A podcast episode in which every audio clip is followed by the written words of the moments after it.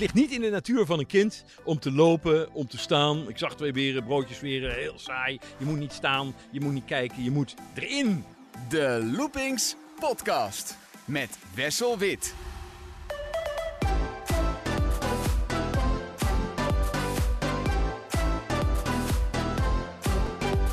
Van harte welkom bij de Loopings podcast vanuit uh, Dierenpark Amersfoort. Op een, uh, op een bijzondere plek, in de zon, na sluitingstijd. Het is sowieso heerlijk om na sluitingstijd door een uh, dierenpark te kunnen lopen.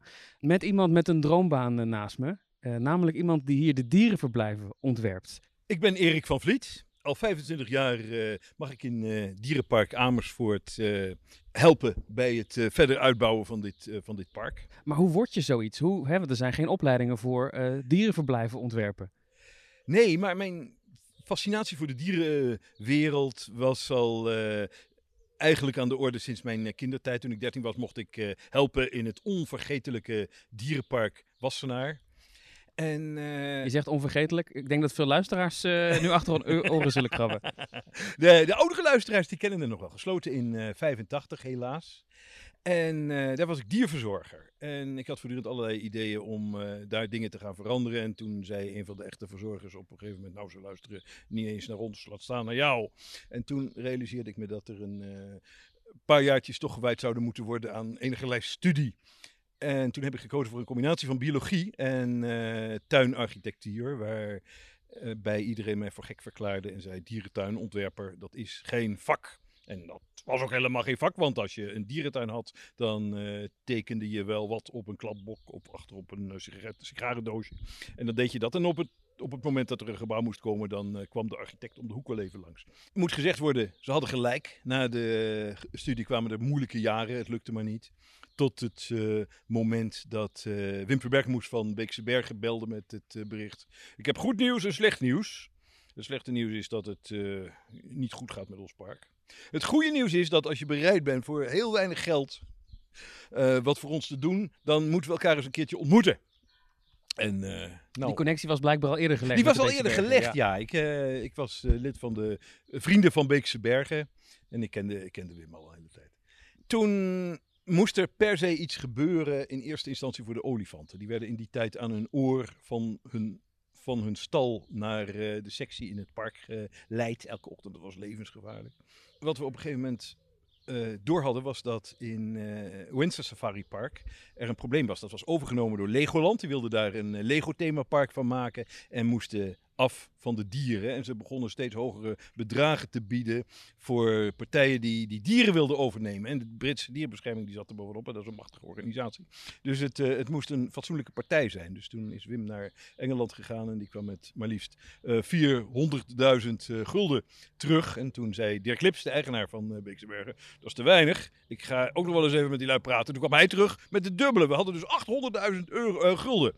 En nou, dat was in feite wel aardig om een bavianenverblijf te maken. Maar wij moesten een olifantenverblijf hebben. Dus toen dachten we, nou, dan maken we een verblijf voor olifanten waar ook bavianen op kunnen. En zo ontstond het, uh, het uh, beroemde olifanten- en bavianengebied in Beekse Bergen. En uh, dat is Beekse Bergen, dat is heel Varenbeek ja. in Noord-Brabant. maar nu zitten we in het prachtige Amersfoort. Ja, in Dierenpark Amersfoort. Want hier kwam de kans op een gegeven moment, na een tijdje voor diverse andere tuinen gewerkt te hebben, om als stafmedewerker in een park te komen.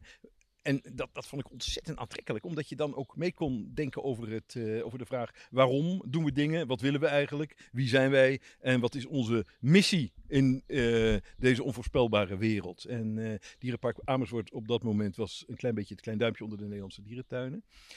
En dat gaf het voordeel dat we heel fris konden nadenken over de vraag: wat willen we zijn? Zag je ook meteen die groeimogelijkheden van dit park? Ja, uh, zeker in de richting die we toen op een gegeven moment uh, al snel voelden opkomen. Op dat moment, we spreken uh, eind jaren 90, ontwikkelden de dierentuinen in Nederland. De Nederlandse dierentuinen waren op dat moment de beste dierentuinen van de wereld. En ze ontwikkelden een, een, een veel volwassener imago dan uh, de dierentuinen die uh, daaraan vooraf gingen. Hè. Burgers Dierenpark had een fantastische ecodisplay. Uh, Artis profileerde zich als het museum van het leven. Oude Hand had de Palearctische dierenwereld. Hè. De, de, de, de, de dieren uit het, uit het hoge noorden. En toen dachten wij, nee, wij moeten juist trouw blijven aan die klassieke doelgroep, gezinnen met kinderen. En eh, van eh, biogeografische presentaties moeten we ook niks hebben, want dat doen de anderen al. En die hebben veel meer geld. Wij gaan dieren in een hele andere context laten zien. En eh, dat- was een van de redenen waarom de stad der oudheid kon ontstaan. Geen dieren in habitat, nee, dieren in een cultureel verhaal. Dieren in relatie tot de mens. Was dat jouw eerste grote project hier? Eh, ja, eigenlijk wel. Ja, daarvoor eh, hadden we het linkse verblijf al gemaakt en de penguins en de ringstadsmaking. Maar dit was het, eigenlijk het eerste grote themagebied wat we toen hebben ontwikkeld. En je zegt de doelgroep gezinnen met kinderen. Toch is hoe het hier bedacht en ontworpen is, is niet infantiel. Ik zie geen felle kleuren of zo. Het is wel gewoon natuurgetrouw. Ik ben blij dat je dat eh, zo ervaart. Zo hebben we het ook geprobeerd te maken. Een, een, een kind moet je ook niet pakken met bont en over de top. Een kind heeft ook gevoel voor kleine grappen. En voor een geheimzinnige, natuurlijke, bijna echt sfeer. Eh, wat voor dieren vinden we hier trouwens? Want we zitten er nu middenin in het gebied. Ja, we zien hier de dieren die in de oude beschavingen rond het Middellandse zeegebied een rol speelden. Dus de, de huisdieren, er staat nu een kameel, eh, heel wantrouwend te kijken naar wat er hier allemaal gebeurt. We spreken ook over de dieren die buiten de steden leefden en eh, die een eh, zekere mythische reputatie ha- hadden. Vaak jachtwild voor de koningen, zoals de tijgers, de leeuwen. Die zien we hier overigens niet in de stad, want die leefden ook niet in steden. Je moet naar mijn stellige overtuiging ook nooit dieren in verblijven eh, hou- houden die eruit zien als menselijke menselijke nederzettingen, dat, dat, dat, is, dat, is, dat is bijna kwetsend, vind ik. Zowel voor dieren als voor de betreffende cultuur. Nee, je kijkt vanuit die, die, die oude gebouwen in het wilde gebied rond de stad. Daar sluipen de leeuwen en de tijgers rond. En de hyena's niet te vergeten. En dan nog de, de cultuurvolgers, hè, dieren die in de stad van alles van hun gading vinden. Zoals eh, de, de vruchtenetende vleermuizen. Dus de collectie die hier is opgebouwd in dit gebied, daar zit echt een verhaal achter. Dat zijn niet willekeurig gekozen dieren omdat ze maar eh, toevallig leuk bij elkaar staan.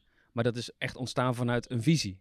Ja, het verhaal was eerst. En eh naar aanleiding van het verhaal is de collectie samengesteld. Heeft dat dan ook een beetje als blauwdruk gediend voor de rest van de ontwikkelingen de decennia daarna? Eh, ja, in zoverre wel. Dat we voortdurend op zoek zijn naar die eh, niet-biogeografische thema's. En eh, ook voor wat betreft de, de, de routing. Het is altijd een lus die uiteindelijk weer uitkomt op de grote hoofdroute. Hè? De, de, waar je ook ingaat, je kunt verdwalen, je kunt het gevoel hebben, waar ben ik nou? Maar er is één zekerheid, je bent altijd weer op die hoofdroute van waaruit eh ijs, patat, wc en de uitgang makkelijk eh, te vinden zijn. Je wil onderscheidend zijn als dierentuin. Hè? Je zei het Ja. al, je noemde al een paar dingen waar andere parken bekend staan. Dan wil je juist iets anders doen. Maar eh, is er een gouden succesformule voor een dierentuin? Dat je zegt van ja, nou ja, we zijn een dierentuin, dus dan moeten we in ieder geval daaraan voldoen. Ja, respect voor dieren. Dat, dat is de essentie van, eh, van wat je te bieden hebt. Je moet nooit je dieren als props gaan gebruiken. Ze kunnen, zoals we zo net constateerden, aanleiding zijn om een verhaal te vertellen. Maar ze zijn ook wezens in hun intrinsieke waarde. En, eh, en daar moet het om blijven gaan in een dierentuin. Wat zijn nog projecten die daarna zijn gekomen hier eh, in het park voor jou? We hebben elk jaar iets gedaan. Dat moet natuurlijk ook. Een hele grote is geweest het Rijk der Reuzen. Het eh, gebied waar de olifanten leven. Dat was een hele lastige, want de olifantenverblijven die eh, eh, kosten, kosten minstens eh 8 miljoen euro. We hebben het uiteindelijk voor nou, aanzienlijk minder kunnen doen. 3, 3 miljoen zo, alles bij elkaar. En ja, dat, dat, kun je doen door te spelen met, met zichtlijnen. En ehm, alle harde stevige structuren die je nou eenmaal nodig hebt voor olifanten uit het zicht te houden.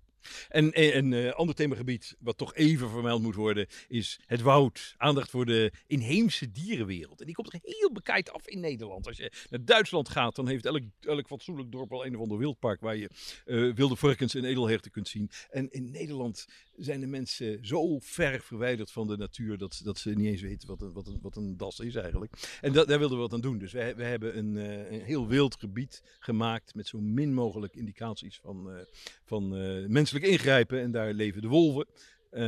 die een paar jaar daarna ook weer spontaan als wilddieren in Nederland terugkwamen. En, en de dassen, die het ook gelukkig weer heel goed doen. Naar aanleiding van hele drastische conservation maatregelen. Dat is eigenlijk de manier waarop jullie dan educatie eh, bedrijven. Door, Ja. door dat uit te leggen aan de mensen. Je ziet hier prachtige dieren, maar die komen gewoon voor in, eh, in de omgeving. Ja, sterker nog, de dassen hier die zijn nog geen 80 meter verwijderd van een eh, groep echte dassen. En nou moeten we even heel voorzichtig zijn. Wat meer mogen we er niet over zeggen. Want waar de Dassenburgten in Nederland zijn, dat, eh, dat houden we liever geheim. Dat eh, weten maar een paar mensen. Dan worden ze niet gestoord. Daar in worden ze niet verstoord. Ja, ja. Je had het net over het olifantenverblijf, hoe dat dan gaat hè, met zichtlijnen. En je, je zegt het eigenlijk heel makkelijk. Eh jou was ooit verteld, dierenverblijven ontwerpen, dat is geen vak. Maar ik denk dat jij nu uit ervaring spreekt als je zegt, dat is wel een vak. Want er komt heel veel bij kijken. Zoals die zichtlijnen. Ja, ook voor wat betreft het opbouwen van belevingen. Wat dat betreft lijkt het meer op het maken van een film of, of het maken van, een, van, een, eh, hè, van, van theater dan op architectuur of landschapsarchitectuur. Het, het is een sequence van, van chill-out, van verwondering, van verbazing, van even wat leren, van even rust. En, en zo moet je naar mijn stellige overtuiging een themagebied in een dierentuin eh, inrichten. Het moet een bepaalde opbouw hebben ook. Ja, Ook als je er doorheen loopt. Ja, ja. Je, je moet je voorstellen, je loopt over een pad, dan zie je iets, iets geks en je vraagt je af wat het is. Aan de achterkant van, de, van het rhododendronstruweel vind je het antwoord. En dan val je ineens in eh, grote verbazing omdat je iets ziet wat je niet had verwacht. Ko- Kortom, op die manier. Zijn er dan trucjes die je kunt toepassen? Ja, je, je begint met een rood wit vel en, en, en tekent een rode lijn wat de loop van het eh, eh, bezoekerspad is. Dat, dat is altijd het, eh, het begin, hè, de ruggengraat. En, en daaromheen ga je dan je belevingen kneden. Ja, wat ik ook hier heel vaak zie zijn eh, glasplaten. Ja. Dus er, zijn, er is een opening gemaakt en dan kun je vanuit daar een verblijf inkijken. Ja. Op ooghoogte. Is Ja. dat belangrijk? Ja, voor zowel mens en dier heeft dat voor, voordelen. Hè. Mens kan op die manier neus aan neus komen te staan. Dat is toch wat je het liefste, eh, liefste wil. Hè. Natuurlijk moeten de dieren zich kunnen terugtrekken. Dieren moeten de ruimte hebben. Maar je probeert die zones achter dat glas juist zo aantrekkelijk te maken dat ze daar toch, eh, toch gaan zitten. En dat doen ze ook wel. Want dat is het andere voordeel van het glas. Ze storen zich totaal niet aan wat er achter gebeurt. Hè. Het is net een, een eh, televisie eh, toestel met een vervelend programma, wat zonder geluid uit, aanstaat, dan, eh, dan daar heb je op een gegeven moment ook geen last meer van. Dus mens en dier kun je op die manier heel dicht bij elkaar brengen, tot wederzijds genoegen. Jij komt natuurlijk ook vaak in dierentuinen, andere dierentuinen in Nederland en in het buitenland. Ehm, wat voor dingen leer jij daar van grote of kleine dierenparken? Vaak hoe je het niet moet doen. En eh, daarom is het ook heel erg de moeite waard om die techie roadside zoos eh, te bezoeken, die er helaas ook nog zijn in, eh, in Europa. Dan sta je soms toch wel even met je oren te klapperen of met je, met, met je ogen te knipperen als je ziet van hé, hey, die, die, die beer ontsnapt helemaal niet als die muur alleen maar twee meter hoog is. Ko- Kortom, je, je, je ziet wat er, wat, wat er kan, je ziet wat er, wat, wat wat er niet werkt.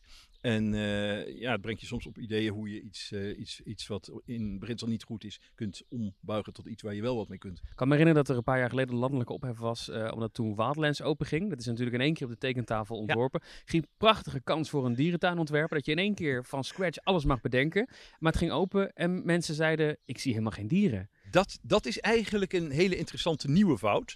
eh, gebaseerd op de veronderstelling dat mensen genoeg zouden hebben aan een aantal charismatische soorten. Dat wordt wel eens cynisch gezegd. Oh, schiet nou op met je dassen en je naakt aan molratten, daar komen de mensen helemaal niet voor. Maar, Maar- tijgers nou, en leeuwen. ja, ja. maar wat je, eh, wat je leert in Emmen is dat als je ze niet hebt, dat mensen het dan toch echt missen. Mensen willen het feest van de herkenning, willen hun kind de eerste olifant laten zien, maar daarnaast willen ze ook verbaasd worden door iets waarvan ze absoluut niet hadden kunnen denken dat het, had, dat het bestaat.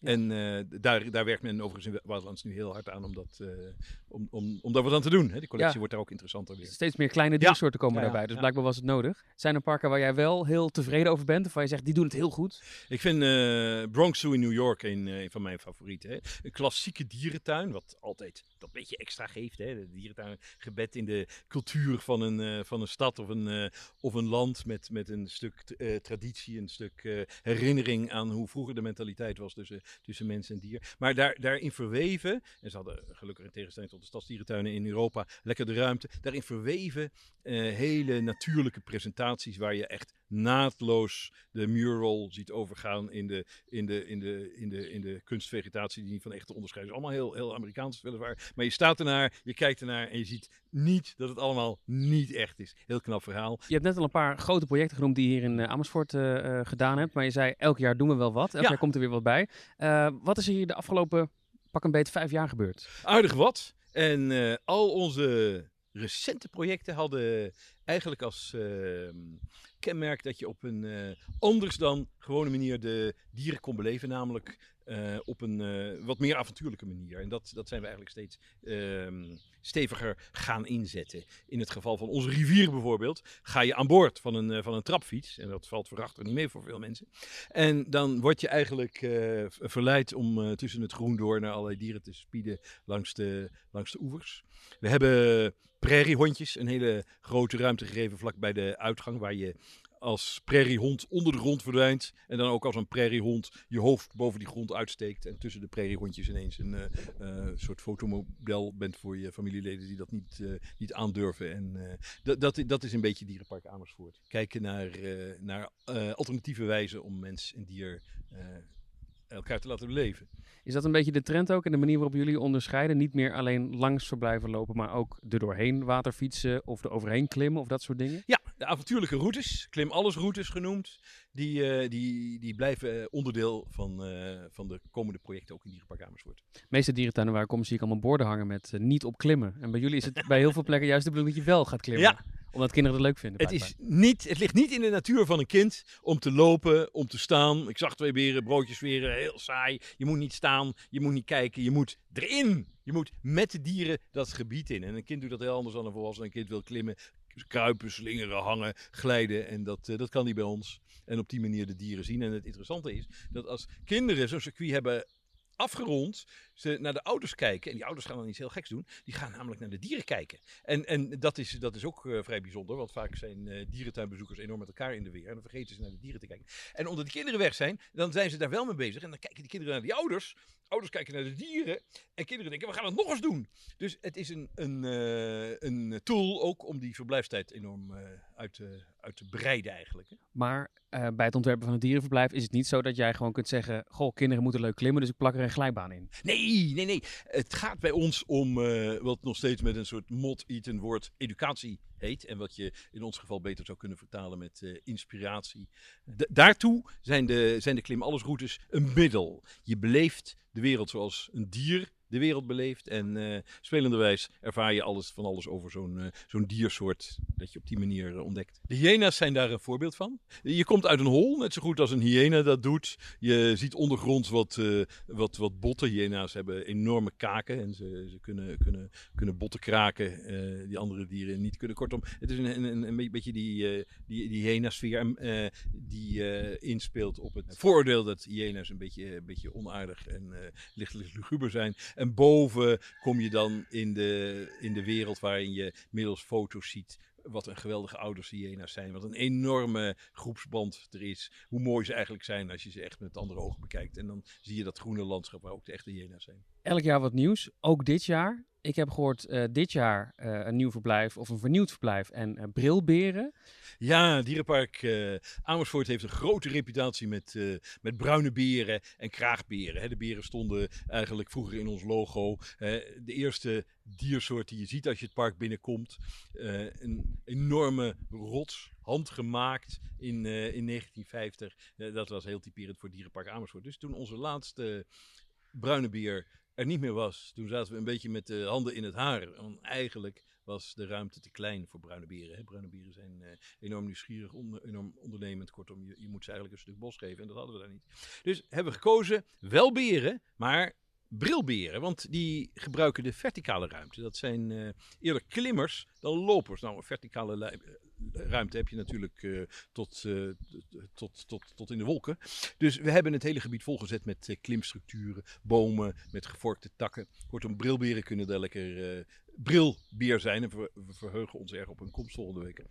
Als jij dan bezig bent met zo'n ontwerp, moet jij dan nog gaan verdiepen in eh, wat kan een brilbeer en wat heeft een brilbeer nodig? Of wist jij dat allemaal al? Ja, dat, dat weet je na 30 jaar. Eh, bovendien komt er ook input eh, van de curator, van de dierverzorgers. En waar komen deze brilberen vandaan? Uit het Andesgebied van Zuid-Amerika. Althans, de soort komt daar vandaan. Deze twee jongens die naar ons toe komen, komen uit de dierentuin van Duisburg in Duitsland. En we zijn net eventjes langs het verblijf gelopen waar ze straks arriveren. Daar is, al een klimroute boven. Ja, Dus dat scheelt. dat scheelt, maar we hebben hem helemaal verbrilbeerd. Dus je kunt eh, daar alles eh, te weten komen over brilberen. Je kunt een beetje brilbeer zijn. En waar we ons erg op verheugen is dat je vanuit die hele hoge klimroute oog in oog kunt staan met de beren die dan hopelijk ook daar hoog in de bomen zullen vertoeven. Ehm, is het lastig om zo'n verblijf dan te vernieuwen? Want je bent natuurlijk gebonden aan een bestaande structuur, een bestaand oppervlakte. Je zei al, het is een iconische eh, plek, een, een begin van het park, met zo'n Ja. grote rots. Ja, dat is moeilijk. Veel architecten die geven de voorkeur aan aan alles maar opzij te schuiven en helemaal overnieuw te beginnen. Dat doen wij nooit in Dierenpark Amersfoort. Wij kijken altijd naar eh, wat er was. Niet omdat de gebouwen hier monumentale status hebben, maar omdat een, een dierenpark, eh, zoals Pierre Nora zegt, eh, een lieu de mémoire is. Een, een, een herinnering is aan wat jij als grootvader heel lang geleden hebt meegemaakt en je nu weer doorgeeft aan je kinderen. En die gezamenlijke herinneringen zijn heel belangrijk in dierentuinen. Het is een van de weinige dingen namelijk die hetzelfde is gebleven. Hè? De, de, schrijver biologie Lenius heeft wel eens gezegd... dierentuindieren zijn zo, eh, zo verrassend en, eh, en geruststellend ouderwets in hun vormgeving. Nou, ze veranderen gewoon niet. Jij eh, ervaart dat net zo als, eh, als je kleinkind. In tegenstelling tot alle spelletjes, alle boeken, alle andere dingen waar zo'n kleinkind mee aankomt zitten. Die dierentuinervaring is iets van alle tijden. En daarom houden we ook dingen erin zoals ons treintje, waar soms wat wordt gegiegeld. Wat doet dat oude gekke mini-treintje? Nee, dat is ook een herinnering. En dat heeft een, eh, zijn plaats hier. We zitten hier in de stad der oudheid. En de meeste muren die om ons heen staan, maakten vroeger deel van eh, de, de binnenverblijven, de stallen van de hoefdieren. Of het waren de muren om de roofdierenkooien heen. En wij hebben ze een ander sausje gegeven. Je zegt het is eigenlijk allemaal hetzelfde gebleven, maar dan heb je denk ik vooral over de dieren en hoe de dieren zich gedragen en hoe wij de dieren beleven. Want als ik kijk naar de geschiedenis van dierenparken, alleen al in Nederland of in Europa van de afgelopen decennia, is er heel wat veranderd op het gebied van dierenwelzijn, de grootte van verblijven, de manier waarop we daarmee omgaan. Onherkenbaar zelfs. En wat we daarom in Amersfoort doen, is, is elementjes uit het verleden hun ereplaats toekennen. Maar in een omgeving die volstrekt anders is als, eh, als 25 jaar geleden. Dus jij werkt ook automatisch anders dan 25 jaar geleden bij het ontwerpen van een verblijf. Ja, onze kennis over eh, wat dieren nodig hebben is enorm toegenomen. En onze kennis over waar eh, mensen blij van worden is ook toegekomen. Want daar weten we ook steeds meer van. Die dierentuinbezoeker, die worden ook onderzocht, net zo hard als chimpansees en wolven onderzocht worden. Elke dierentuin is bezig met educatie. Je zei al, wij willen niet het opgeheven vingertje, we willen niet eh foei, foei, foei als, eh, als boodschap. Maar hoe doe je dat? Dat is moeilijk, maar we gaan het wel doen. Want je kunt niet van dieren genieten zonder daarbij te beseffen dat heel veel dieren straks niet meer in het, eh, in het wild zullen, zullen bestaan. Dus je moet op enige wijze dat, eh, dat verhaal vertellen. En dat kun je doen door de schoonheid van het dier te tonen, de schoonheid van het dier in zijn omgeving te tonen.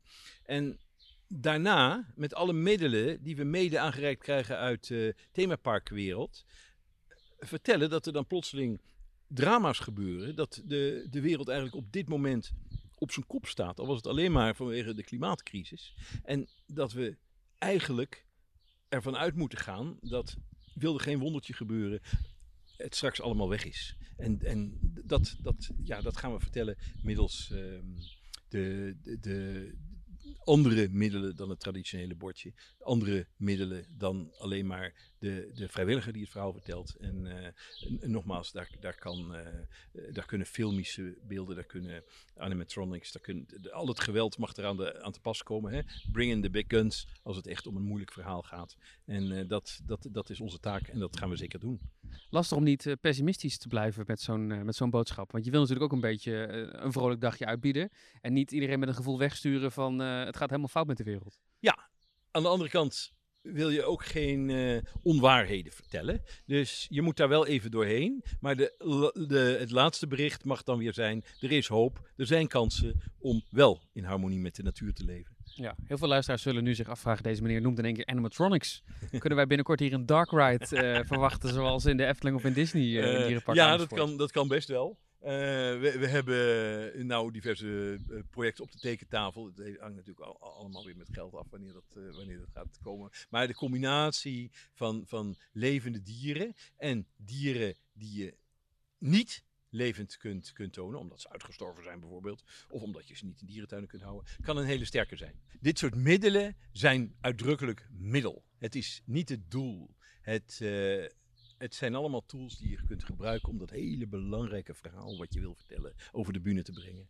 Niet zomaar een achtbaan neerzetten zoals Wildlands uh, bijvoorbeeld heet. Nee, of zoals Chessington World of Adventures of, of, of uh, een aantal andere parken. Uh, maar er zijn ook voorbeelden dat het wel goed gebeurt. Hè? Als je kijkt naar de rides in, in, in, in Disney's Animal Kingdom, dan zie je dat je op een hele goede, of in de diverse science centers, om dat, dat voorbeeld ook eens te noemen, dan zie je dat je, dat je de moderne technologie heel goed kunt combineren met dierbelevingen. Ik ben in SeaWorld in Orlando wel eens in een karretje gaan zitten door een uh, Pingwing Dark Ride. En dan eindig je ook echt daadwerkelijk in het Pingwing verblijf. Ja. Uh, kun je Dark Ride zo... Jij moet er een beetje om lachen. Ben je erin geweest? Oké, okay, hem? Ja, ja. niet zo'n hele fraaie attractie.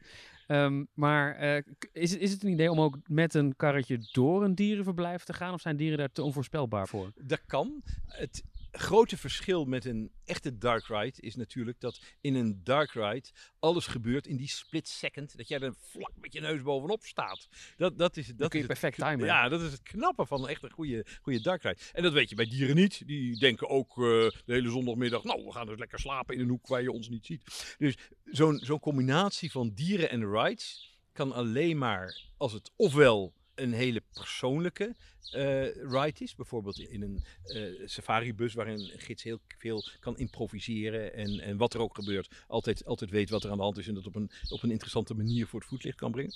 Ofwel in die combinatie weer met, met animatronics, filmische beelden en, en alle andere technieken die je hebt. En, en daaraan aan, uh, aan toegevoegd levende dieren. Levende dieren zijn in zo'n context de bonus. Het verhaal wat je wilt vertellen wordt verteld door de, door de andere middelen als ik dat zo hoor, dan is het wel zo dat dierenparken en themaparken en misschien wel musea steeds meer naar elkaar toegroeien qua beleving. Ervaar jij dat ook zo? Ja, ik denk dat je deze vraag met goed fatsoen over 30 jaar niet meer kunt stellen, omdat dat proces dan voltooid is. Dan heb je belevingen die gewijd zijn aan een thema, en alleen maar aan dat thema, en dat thema op een hele sterke manier vertellen, middels dierentuintechnieken, middels themaparktechnieken en middels museale technieken.